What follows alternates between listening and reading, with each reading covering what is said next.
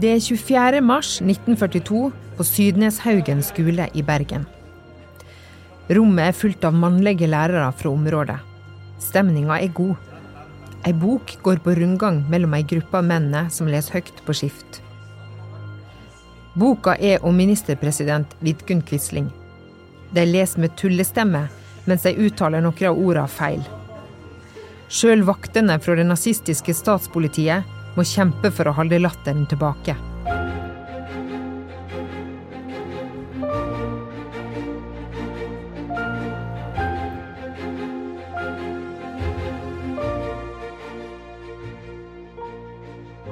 Det gode humøret til lærerne står ikke helt i stil til situasjonen de er i. For fire dager siden ble de arresterte av Quisling-regimet. Til sammen 1100 mannlige lærere over hele landet er tatt som gisler fordi norske lærere nekter å bli med i den nazistiske lærerorganisasjonen Norges lærersamband. Som medlem må de forplikte seg til å oppdra elevene i nazistisk and. Det vil ikke lærerne være med på, og de er villige til å ta konsekvensene. Dette er andre episode i serien Lærerkrigen mot Quisling.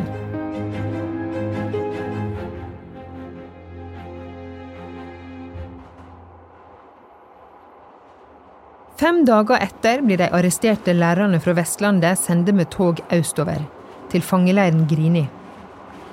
Der møter de ei gruppe kollegaer fra Oslo-området som har vært der i flere dager allerede. På Hamar sitter lærer Håkon Holmboe i byfengselet sammen med 20 andre lærere. Ni av dem er kollegaer fra samme skole. De aner ikke hva som skal skje med dem nå. Håkon greier å smugle ut en lapp med noen meldinger til kona Lotte. Vil du etter hvert tømme mitt skap på skolen? Det er kanskje best jeg får med noen penger. Du kan levere portemoneen med ca. 50 kroner i vakta. Pakk inn en liten pipe også, med litt tobakk. Det kan jo hende jeg får en sjanse til å røyke. Foreløpig sitter vi altså her. Politimesteren vet ikke noen ting om hvorfor.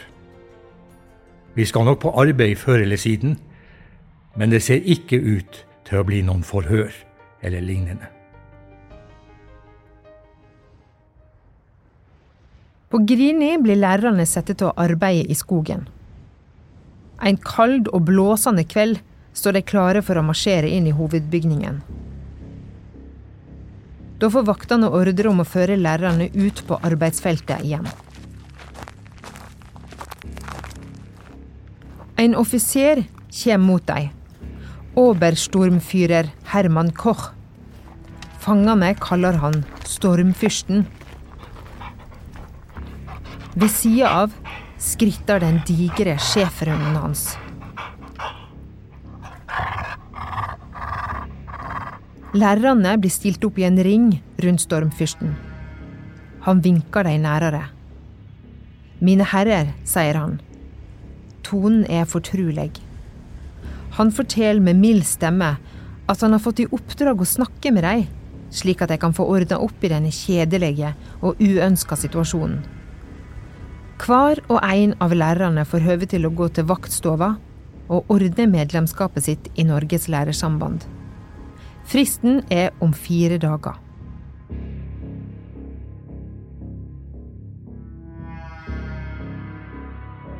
Hva gjør de nå? Mange av lærerne er usikre. Burde de bare skrive under og bli ferdige med det hele? Noen mener at de ikke har noen sjanse mot okkupasjonsmakta uansett. Og hva skjer hvis de nekter? Blir de sendt til konsentrasjonsleir i Tyskland? Hvis det blir avrettinger, hvor mange vil bli skutt? Lærerne diskuterer.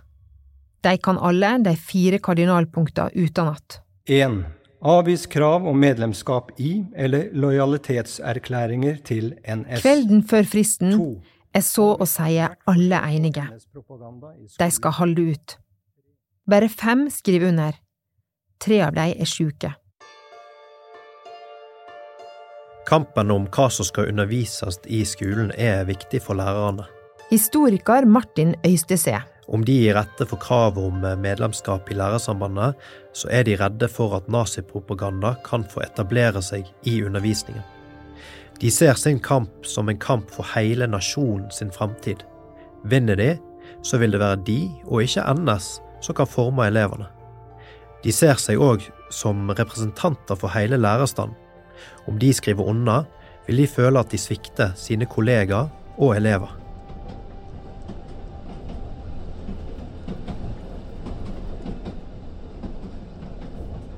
Første april 1942 blir lærerne på Grini stabla inn i kuvogner. 45 i hver vogn. Men når toget starter, puster lærerne likevel letta ut. De kjører nordover. Da skal de i alle fall ikke til Tyskland.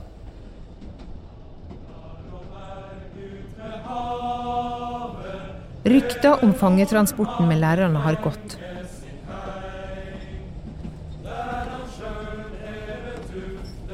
Langs toglinja står folk og synger. Og inne i kuvognene synger lærerne. Han står ut på dei steinutne strender. Der var ingen som der hadde trygg. La oss rydja og bygja oss grender,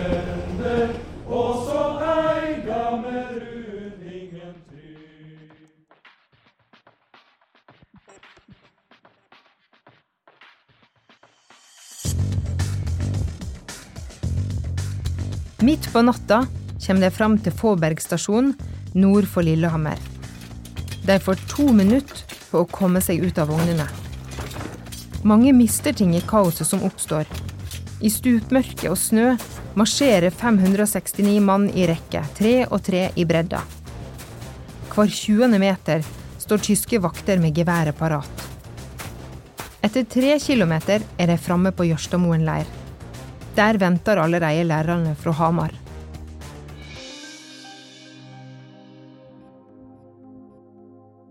Det er snart to måneder siden regjeringa til Vidkun Quisling vedtok lova som pålegger alle lærere å bli med i Norges lærersamband. Siden har NS-styret på ulikt vis forsøkt å true lærerne til å gi seg. Og i det norske folks egen interesse vil den nasjonale regjering bli nødt til å gripe inn. Gripe hardt inn overfor alle forsøk på å sette Nyreisningsverket og Norges fremtidige frihet og selvstendighet i fare. NS kulturminister Gulbrand Lunde taler i Kristiansand. Vi er i folkets interesse nødt til å slå ned ethvert forsøk på motstand mot staten og nasjonal samling, fra hva hold det enn måtte komme. Enten det kommer fra lærere eller fra biskoper.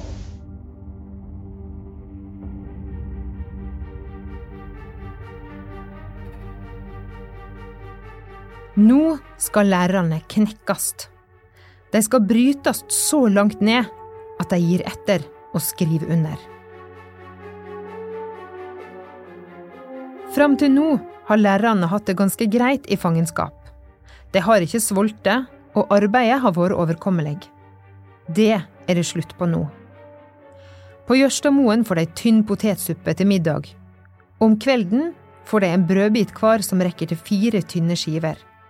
Det skal holde helt til neste kveld. Rommene er stappfulle av fanger, med køyesenger i tre etasjer. De får ikke lov til å lufte.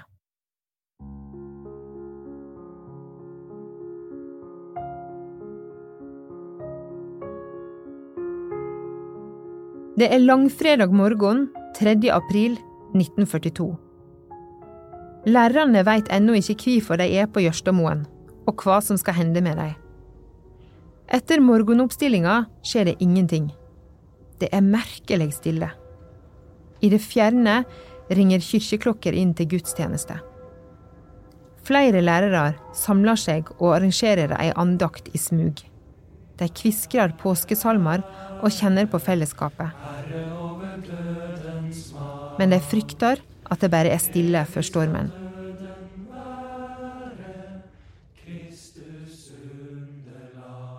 Og de får rett. Klokka 13 bles det til oppstilling. Det hagler med kommandoer og brøl, og de yngste blir kommandert ut i springmarsj. Flere av lærerne har bare de klærne de sto og gikk i da de ble arrestert. Og de springer som best de kan, i upraktiske byklede. Tynne sko, kalosjer som kipper, hatt, snipp og slips. Snøen rekker det til midt på leggen. Etter 15 minutter er det knebøy. Så springmarsj igjen. I to timer springer de rundt i snøen. Så er det arbeidstjeneste. All snøen skal fjernes fra en del av området til en annen. Flott, en konkret oppgave. Men hvor er redskapene? Redskaper må de finne sjøl, roper vaktene. Lærerne må ta i bruk det de har for. Tallerkener, pappstykker og fjøler fra sengebotn. Etter seks timer er torturgymnastikken over. I løpet av kvelden blir flere av lærerne syke.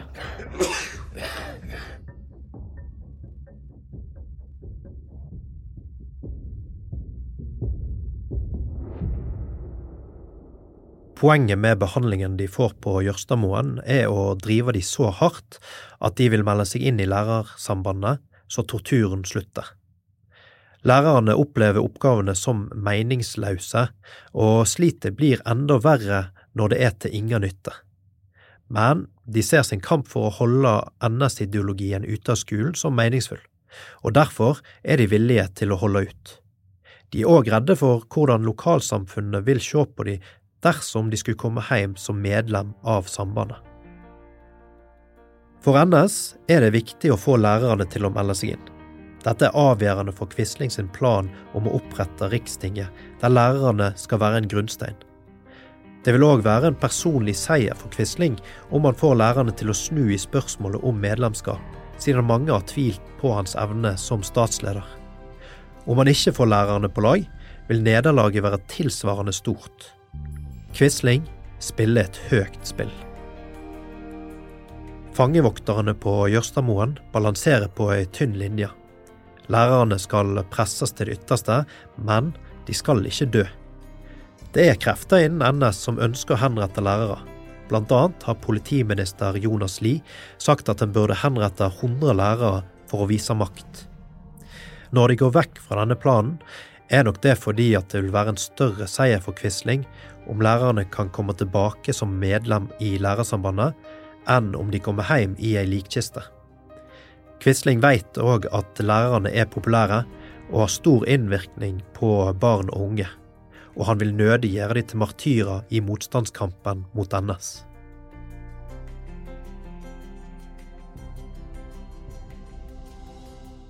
Dagen etter er det mildere i været. Veien til utedoen er bare sammenhengende gjørme. Og torturgymnastikken holder fram. Vaktene kommanderer fangene til å legge seg på magen med hendene på ryggen og åle seg fram gjennom den våte snøen. Så må de snu seg rundt på ryggen og sykle med beina i lufta. Det tar ikke lang tid før alle er gjennomblaute.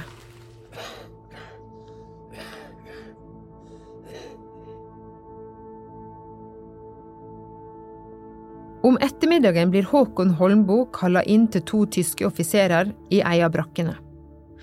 Håkon er tysklærer og har fått i oppgave å være tolk. Brakka er satt i stand til et slags forhørslokale. Offiserene sitter ved et skrivebord med skrivemaskin, penn og blekk. Og på bordet ligger en bunke med ark med en tekst på. Det er erklæringer. Etter flere dager med minimalt med mat og med utmattende torturgymnastikk regner offiserene med at de fleste lærerne vil gi seg, og skrive under på at de godtar å bli medlemmer i Norges lærersamband. Erklæringa er på tysk, og Håkon prøver forsiktig å foreslå at det burde ta seg tid til å omsette teksten til norsk. Det er ikke nødsynt, sier offiserene. I den første pulja kommer de eldste lærerne. De blir kalla inn tre om gangen. De første har ei rekke detaljerte spørsmål om hva erklæringa innebærer. De vil også ha tid til å tenke seg om. Håkon foreslår at han kan skrive ei omsetning og henge opp på veggen. Tyskerne går utålmodige med på det. De tre første lærerne kjenner nok på ansvaret. De skal på et vis sette standarden for alle de nesten 700 andre. På den ene sida må de tenke på sin egen helse og familien hjemme. På den andre sida er det omsynet til kameratene og saka. Til slutt kommer det stille. Nei. Bare tre av de rundt 70 som ble spurte denne dagen, skriver under. To av de trekker senere tilbake erklæringene sine.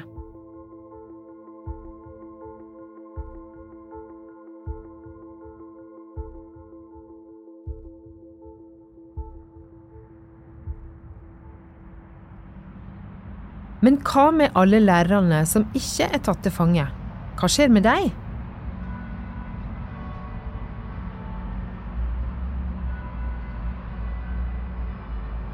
Skolene er fremdeles stengt fordi styresmaktene påstår de mangler fyringsmiddel. Einar Høygård, mannen bak de fire kardinalpunktene, og som trolig var med å formulere protestbrevet tusenvis av lærere sendte inn 20.2, er ikke arrestert. Han har satt i gang et møysommelig arbeid for å finne ut hva som skjer med de arresterte lærerne. Det han finner ut, informerer han om til lærere over hele landet gjennom de illegale kanalene. Han oppmoder til å holde fram motstandsarbeidet. Vi er dypt rystet over arrestasjonen av våre kolleger. Men vi vet at ingen ville beklage mer enn de arresterte om vi ga oss. Vi må alle være beredt til å tåle det samme som dem, og vi må også være forberedt på at noen av de arresterte gir etter. Men heller fengsel enn medlemskap i sambandet. Lotte Holmboe, kona til Håkon, er også lærer på Hamar katedralskole. Nå hører hun rykter om truslene mot Håkon og de andre på Jørstadmoen. De blir trua med avrettinger, og at familiemedlemmer deres kan bli tatt som gisler dersom de ikke gir seg. Lotte diskuterer situasjonen med andre ektefeller av de arresterte lærerne. Hva skal de gjøre? De skjønner at Håkon og de andre blir utsatt for et umenneskelig press. En kollega av Lotte og Håkon reiser til Jørstadmoen. Hun er gift med en av de andre Hamar-lærerne som er arresterte. Når hun kommer til vaktbua, får hun overtalt vakta til å hente Håkon som har blitt en slags talsmann for lærerne siden han er tolk. Hun ber Håkon gi videre ei melding til mannen sin. Hold ut!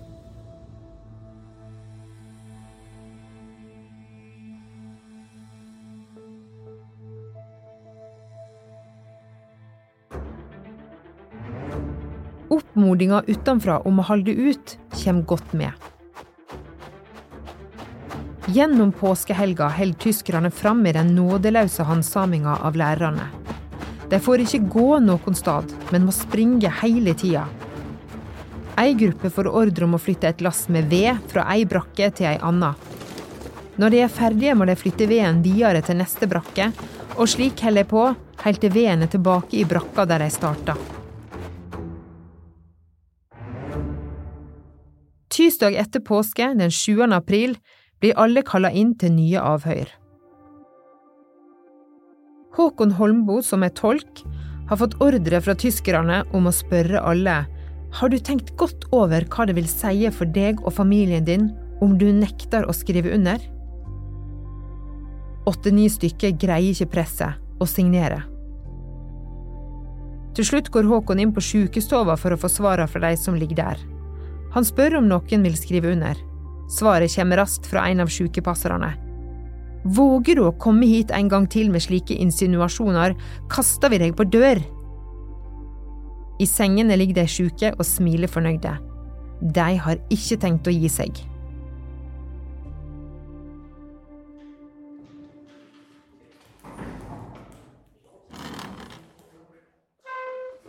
Det er 9. april 1942.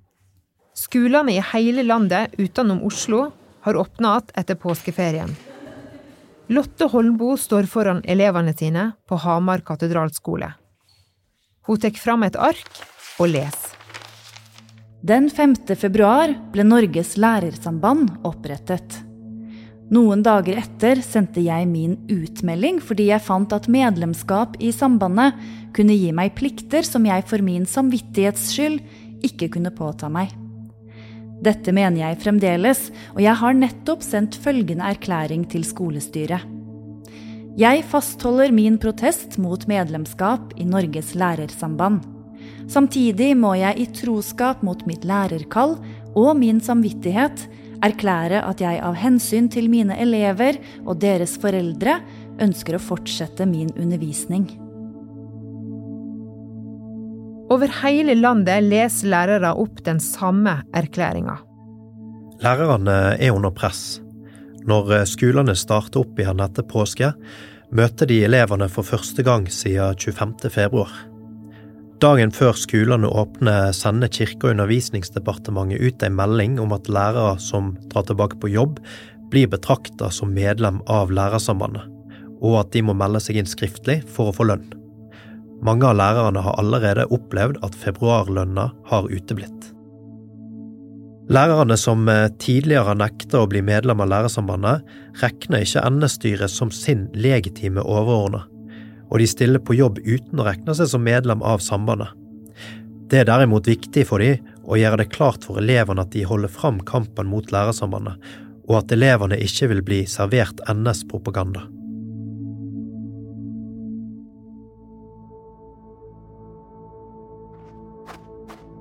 På Jørstadmoen har fangene blitt kjørt hardt i enda noen dager.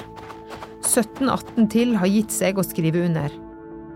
Ingen sier noe til de som drar, men de merker nok at de ikke er særlig populære. En ung lærer har hatt et ganske godt lager med smør og syltetøy på plassen sin i brakka. Nå, før han skal dra, spør han om de som skal bli igjen, vil overta et kilo smør han har til overs. Han blir hånlig vist bort. Om han ikke har villet dele før, kan det være det samme. Så den unge mannen må bære med seg smøret vekk fra de sultne kameratene. Samtidig svirrer rykter. Noen har hørt at de skal flyttes. De har fått ordre om å gjøre seg i stand, men ikke til hva. Håkon og et par andre har hørt rykter om målet for reisa, men de veit ikke om det stemmer, og de velger å holde informasjonen for seg sjøl.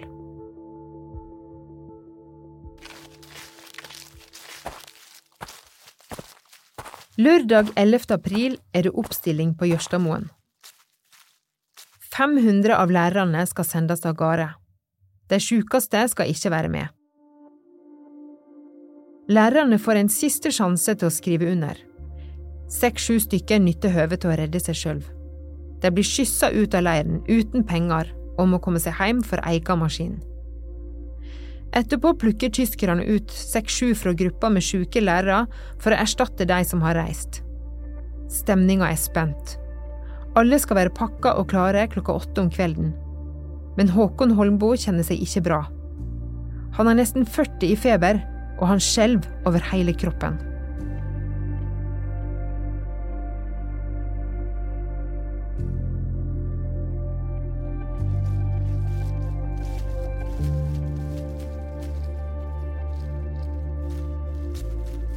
Klokka elleve om kvelden starter marsjen tilbake til Fåberg stasjon. 499 lærere i et langt tog. Nummer 500, Håkon, er for sjuk til å bli med, og har blitt smugla ut av rekkene.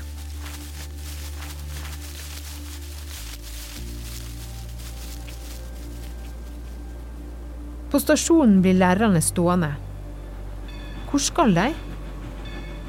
Det kommer et tog sørover. Skal de til Tyskland likevel? Men toget stopper og kjører igjen uten at lærerne blir med. Like etter kommer et godstog sørfra, med kuvogner. Lærerne blir stua inn. Det er ti kuldegrader, og mennene er blaute på beina og svetter etter marsjen. Kålsuppa de fikk servert før avmarsj fra Jørstadmoen, bobler i magen, og den eneste muligheten de har til å gjøre fra seg, er gjennom ei smal sprekk i døra.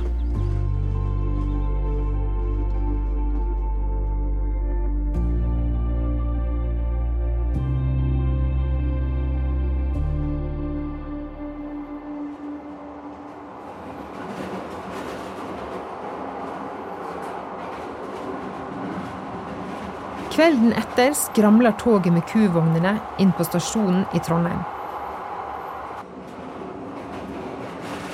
Noen av lærerne ser en jernbanearbeider gjennom ei sprekk i døra.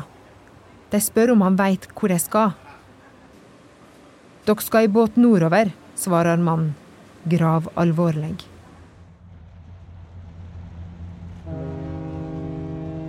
På kaia i Trondheim ligger skipet Skjærstad. Det er godkjent for 250 passasjerer. Søndag kveld 12.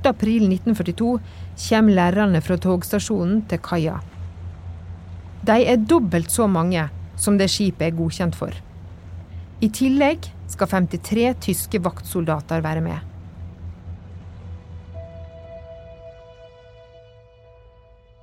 De sjukeste av lærerne blir plassert oppe i salongen. De andre blir stua inn der det er plass. 43 stykker i den vesle røykesalongen. 160 mann blir sendt til det nedste lasterommet. De må vasse i vann, og det fins ingen plass å gå på do, så de må gjøre fra seg i ei bøtte.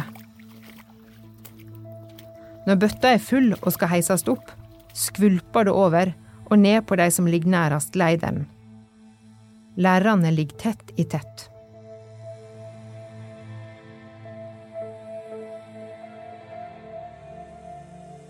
Natta går, og om morgenen ligger skipet fremdeles til kai. En norsk NS-lege kommer om bord for å sjekke tilhøva. Han undersøker de sjuke nøye og finner tilfeller av bronkitt, magekatarr, utmatting, betennelse i prostata, mellom annet.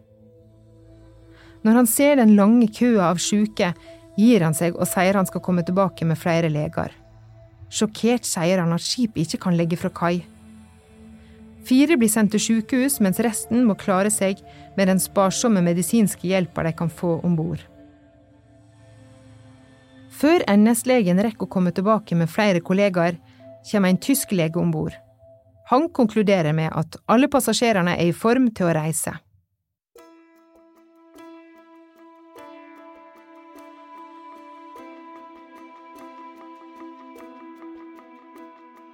På land har folk fått vite om de elendige tilhøva på Skjærstad. Biskopen i Trondheim sender et telegram til Terboven, Quisling og undervisningsministeren og ber om nåde for lærerne. Men Quisling og Terboven avviser bønna kontant.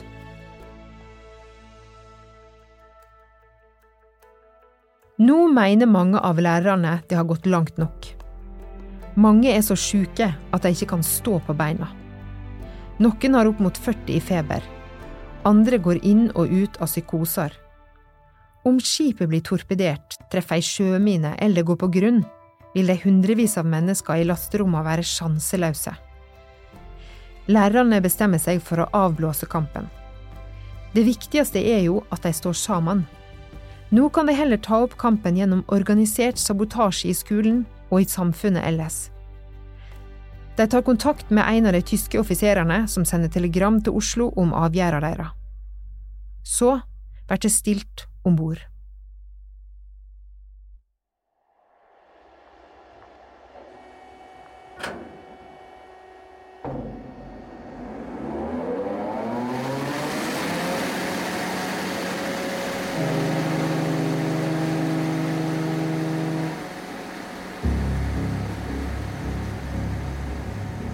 Klokka to om natta hører de at motoren på Skjærstad er i gang. Båten går! Da har ikke tyskerne godtatt tilbudet til lærerne om å avblåse aksjonen. De seiler nordover. Ingen veit hvor, og ingen veit hva for slit som venter dem de neste månedene. Ingen av dem veit heller at de allerede er i ferd med å vinne kampen.